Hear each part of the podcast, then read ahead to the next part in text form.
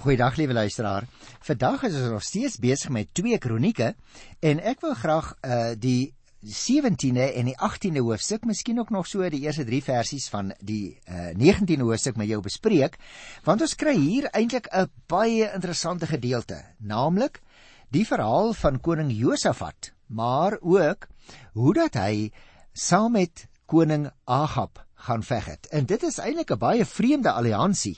Maar voordat ek daarby kom, want dit is eintlik twee verskillende tonele wat ons in hierdie hoofstukke kry, uh, wil ek eers vir jou vertel van koning Josafat, want hy was ook 'n baie baie merkwaardige man en ek is bang ek vergeet dit later terwyl ek dit nou hier uh, voor my het en ons oor hom gaan lees. Is interessant, ons lees in Hosea 20 vers 32 en 33 'n baie interessante opmerking van hom en ek dink dit is 'n CV wat skrik vir niks. Luister 'n bietjie daar sê die Bybel. Josef het die pad van Asa sy pa geloop en daar nie van afgewyk nie. Hy het gedoen wat reg was in die oë van die Here. Die hoogtes het egter nie verdwyn nie. Nou, jy onthou, sy pa Asa het dit ook nagelaat, né? En hier lees ons dit nou ook. Die hoogtes het egter nie verdwyn nie en die volk het hulle hart nog nie voluit op die God van hulle voorvaders gerig nie. Met ander woorde, hy het die Here gedien, maar daar is sekere dinge wat hy nagelaat het en wat uiteindelik 'n prys sou kos. Ons moet onthou, liewe luisteraar, die kroniekboek gee eintlik redelik min aandag aan Josafat. Jy kan meer van hom gaan lees as jy wil in 1 Konings hoofstuk 22 van vers 41 af en ook in die 22ste hoofstuk van 1 Konings.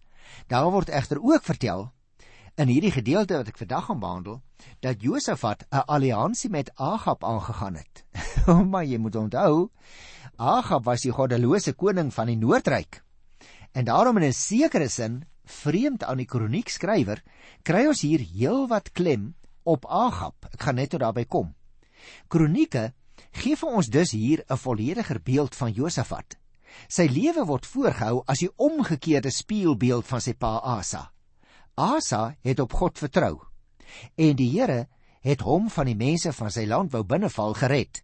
Asa het sonder om met God rekening te hou uiteindelik 'n bondgenootskap met die Arameërs teen Israel gesluit. Sy seun Josafat het tot sy eie skande 'n vennootskap met Israel teen die Arameërs gesluit. Josafat het hom voor God verootmoedig toe sy land uit die ooste binnegeval is en die Here het hom uit die situasie gered. Met ander woorde, Josafat self word in die kroniek geskrif baie gunstig beoordeel. Hy was 'n koning soos Dawid. Hy was gehoorsaam aan God. Hy het toegesien dat sy onderdane in die wette van die Here onderrig word. Hy het die afgodsdiens wortel en tak probeer uitroei. Hy het die regspraak in Juda op pyl gebring. Dit is net in sy diplomatieke betrekkinge waarin hy nie volgens die wil van die Here opgetree het nie. Sy lewe word eintlik in verskillende episodes oorvertel met die klem veral op die derde episode, maar daarby gaan ek nie vandag kom nie. Ek gaan net die eerste 2 episodes met jou bespreek want uh, daardie sal eintlik die kern van sy verhaal en van sy lewe vorm. Voordat ek dus begin met ons teksgedeelte, wil ek eers vir jou nog van hierdie merkwaardige man vertel. Josafat was so min of meer tussen die jare 874 tot 850 die koning van Juda op die troon in Jerusalem. En sy regering toon baie groot ooreenkomste met die eerste jare van sy pa Asa se regering. Daar's 'n paar gebiede waarop Josafat in besonder gepresteer het. Hy het besondere moeite gedoen byvoorbeeld om die gelowiges die wet van die Here te laat leer ken. Alhoewel Josafat nie volledig daarin geslaag het nie, het hy die meeste afgodspraktyke in Juda stopgesit. Daar's 'n klompie oorgebly, ek het dit net vir julle uitgewys in daardie teks. Op die gebied van die regswese byvoorbeeld, het hy verskillende groot administratiewe reëlings ingevoer. Die belangrikste luisteraars was dat hy deur al hierdie maatreëls die volk gelei het om gehoorsaam aan die Here te wees. Dit was sy basiese motief. Hy was dus 'n priester koning soos Dawid en Salomo sy voorouers voor hom. Maar op een gebied het Josafat lelik gefouteer.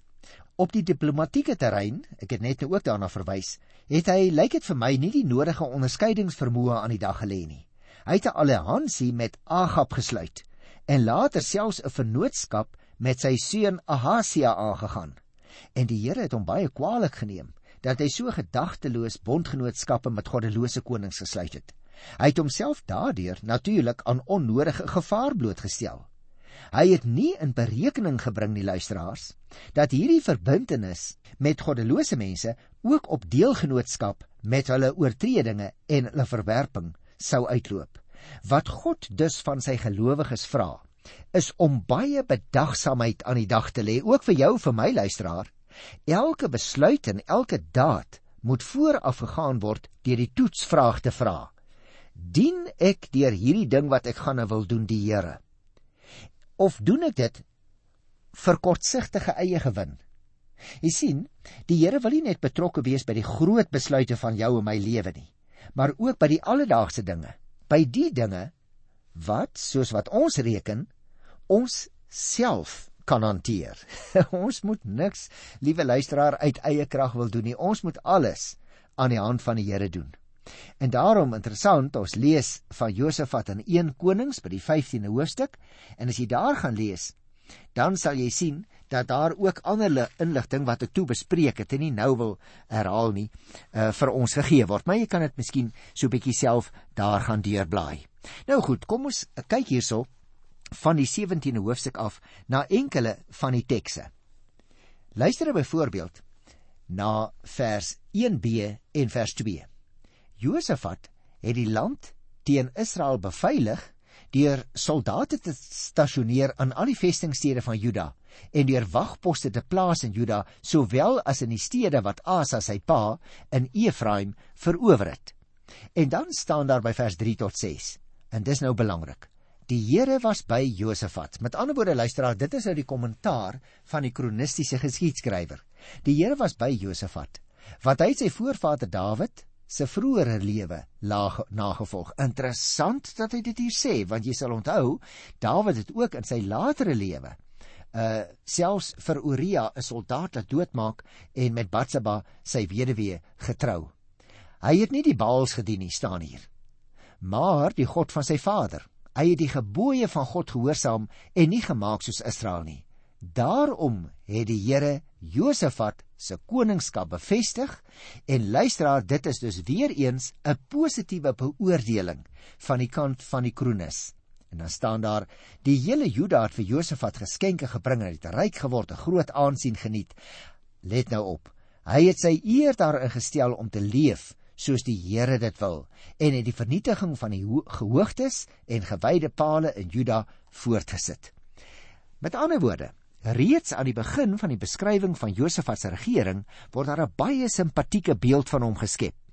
Op grond van Asa se optrede in sy later jare word koning Josafat eerder vergelyk met koning Dawid, die ideale koning volgens die kronistiese geskiedwerk natuurlik. Wat Josafat kon doen, het hy gedoen.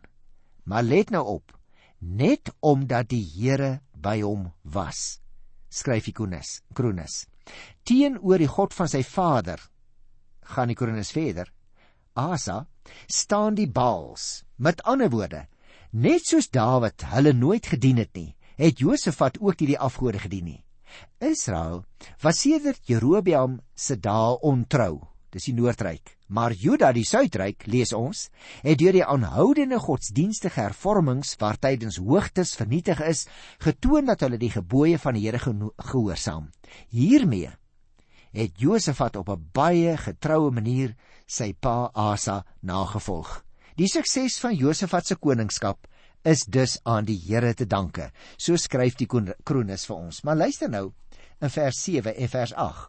In die 3de jaar van sy regering het hy van sy beste amptenare uitgestuur om oral in die stede van Juda onderrig te gee. En dan kry jy hulle name daar met ander woorde. Hy het nie alleen die Here gedien nie, luisteraar. Hy het moeite gedoen dat sy onderdane ook tot kennis van die Here kom en dat hulle ook teruggeroep word na die wetgewing van Moses destyds wat vir ons aangeteken is in die boek Levitikus. Luister na vers 10. Al die lande rondom Juda was skrikbevange, let op, vir die Here. Hulle het Josafat nie aangeval nie. Jy sien, Juda kon dus nou 'n modelstaat word. Hoekom? Hulle dien God. Hulle dien God met so oorgawe en toewyding dat die lande rondom Juda so daardeur beïndruk geraak het dat hulle hom nie aangeval het nie staan daar. Hulle was dus bewus daarvan dat God hier aan die werk is. En daarom word hulle oorval deur eerbied en ontzag vir die Here. Om van skrik bevange te wees vir die Here soos dit hier staan, beteken ook om die Here te eer. Met ander woorde, dit lyk vir my liewe luisteraar, as gevolg van die gelowiges in Juda wat die Here so in getrouheid gedien het, was daar ook mense uit die buiteland wat mettertyd die Here begin dien het. Is dit nie 'n geweldige stuk getuienis wat jy en ek ook in ons lewe behoort na te volg elke dag nie? Dat ons eer daaraan gemeet sal word of ons die Here dien of nie. Maar let nou op na vers 11. Selfs van die Filistyne af is daar vir Josafat geskenke en 'n groot hoeveelheid silwer gebring en die Arabiere het vir hom kleinvee gebring 7700 skaapramme en 7700 bokramme. Jo, dit moes darem 'n geweldige gebeurtenis gewees het, né? Want selfs die Filistyne en die Arabiere uit die woestynstreke het met geskenke vir die koning in Jerusalem gekom.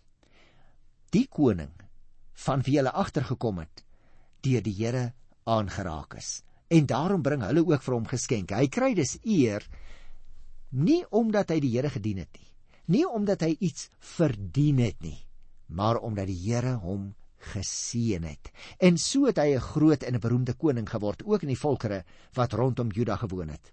Vers 12 en 13 sê: "So het Josafat steeds magtiger geword. Hy het forte voorraadstede in Juda gebou en in elke stad van Juda groot bedrywigheid aan die gang gesit.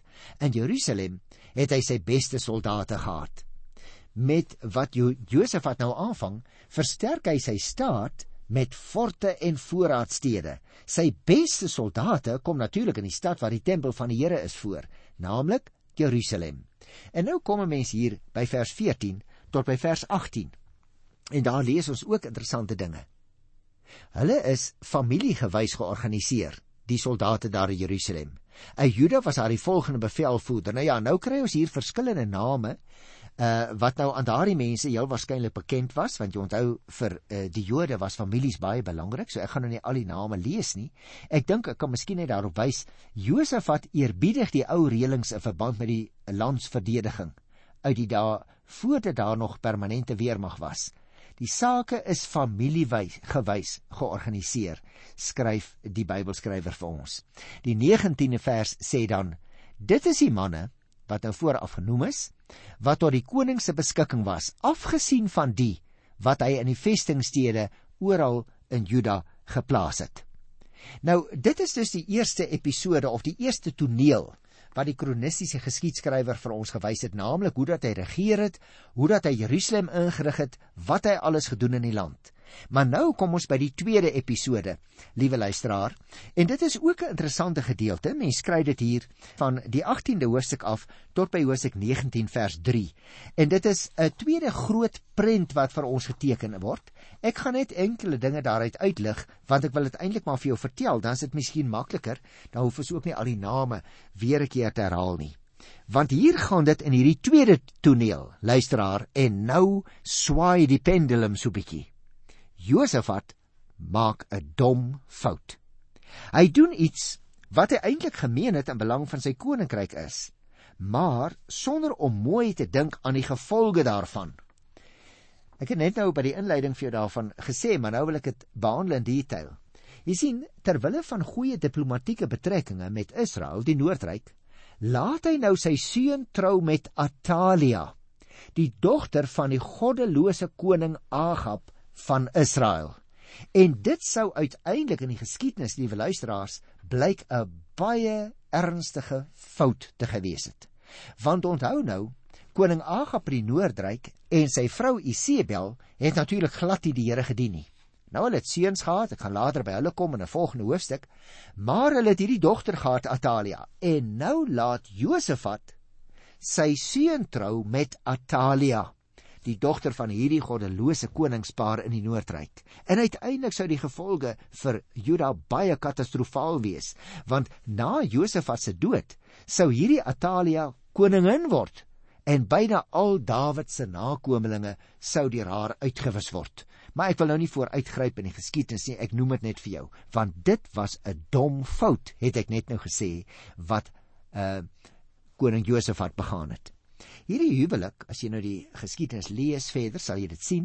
Hierdie huwelik loop uiteindelik daarop uit dat Josafat ook 'n verdrag met Agab gesluit het. Want onthou, Agab is nou sy skoonpa.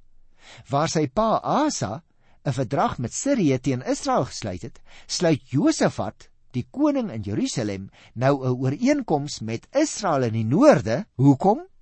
Omdat hy bang was. Hy gaan nie alleen sterk genoeg wees nie. Wat wil hulle doen? Hulle wil Sirië aanval. Jy sien hier kry ons dus die wentelpunt in koning Josafat se lewe.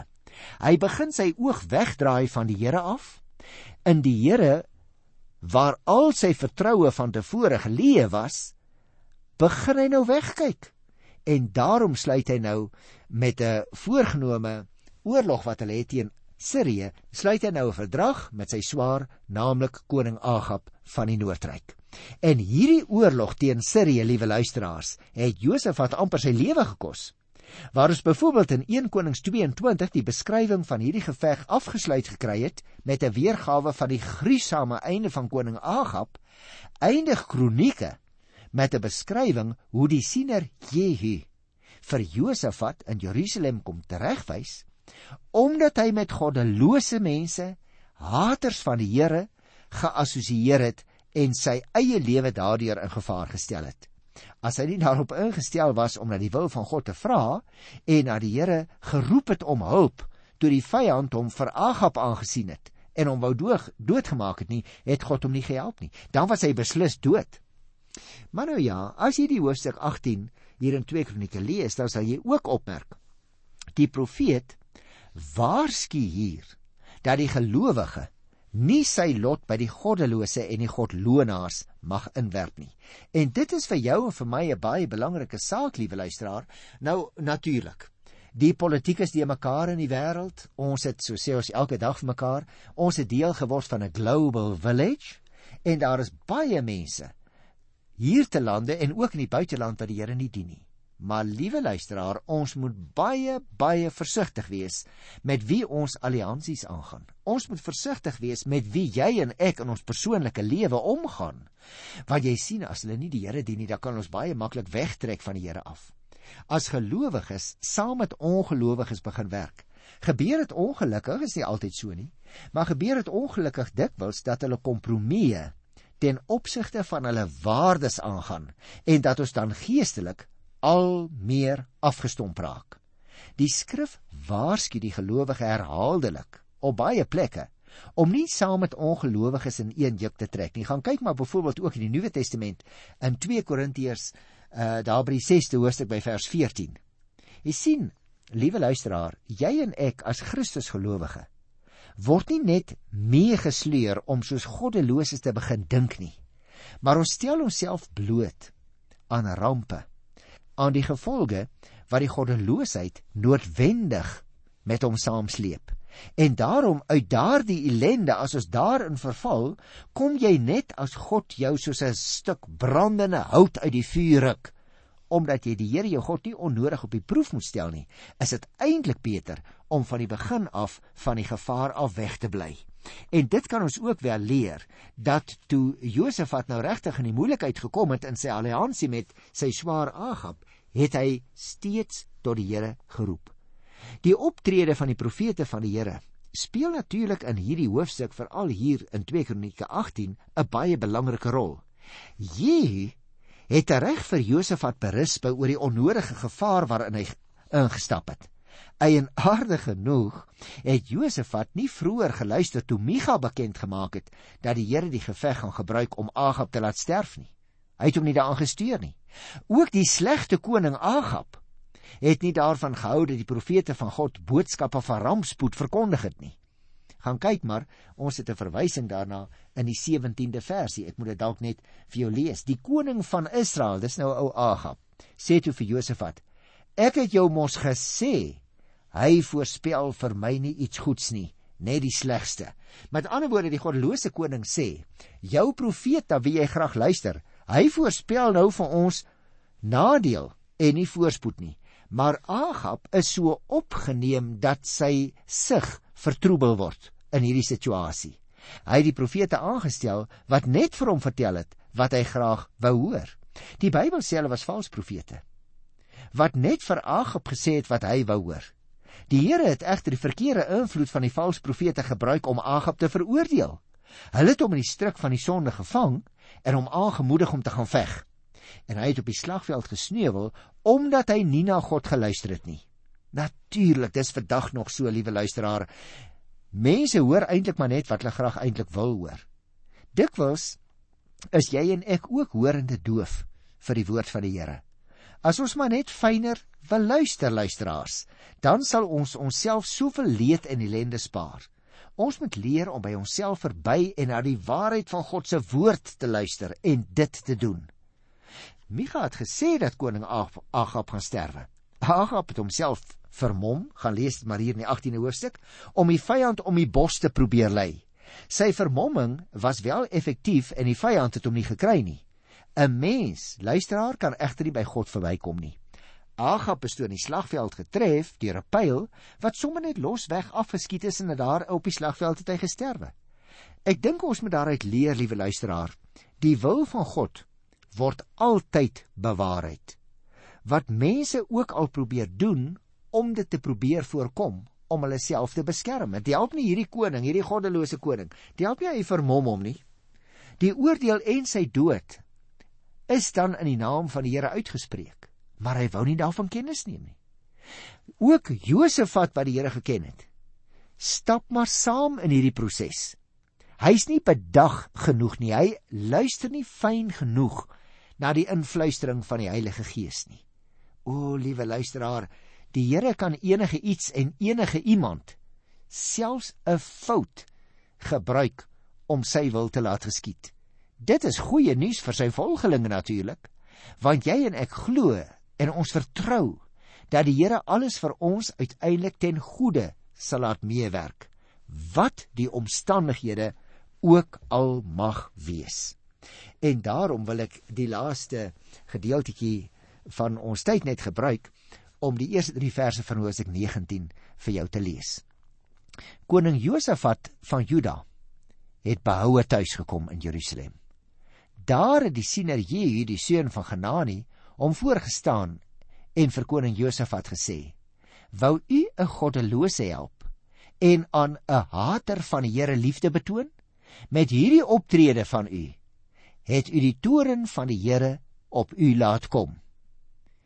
Tog, daar is ook goeie dinge by u te vind. U het die gewyde palle in die land verbrand en u daarop ingestel om na die Here u God se wil te vra. Nou luisteraar, daar word dus nie op hierdie stadium alreeds oor Josafat ook 'n oordeel uitgespreek nie. Maar hy word baie ernstig op hierdie stadium van sy lewe gewaarsku dat hy hom nie moet bemoei met die goddelose wat besig is om hom weg te lei van die Here af nie. Nou moet ek natuurlik dadelik toegee dit was vir hom 'n baie moeilike situasie want onthou, die persoon na wie hier verwys word met wie hy de mekaar is, is Agab en Agab is sy swaar. Daarom het jy en ek ook 'n verantwoordelikheid om in te spreek in die lewens van ons kinders wanneer die tyd waarop hulle 'n lewensmaat begin soek naderkom. Dat ons vir hulle daarop sal wys. Dis belangrik dat jy met iemand wat die Here Jesus ken en dien, sal trou. Want die gevaar is altyd en ek kan vir julle praktiese voorbeelde uit my eie bediening noem, liewe luisteraars oor die jare waar 'n gelowige met baie goeie bedoelings hom of haar in 'n huwelik begeef het met 'n ongelowige, met 'n nie-Christen. En byna elke keer het dit katastrofale einde. Ek het hierdie week weer met so iemand gesels.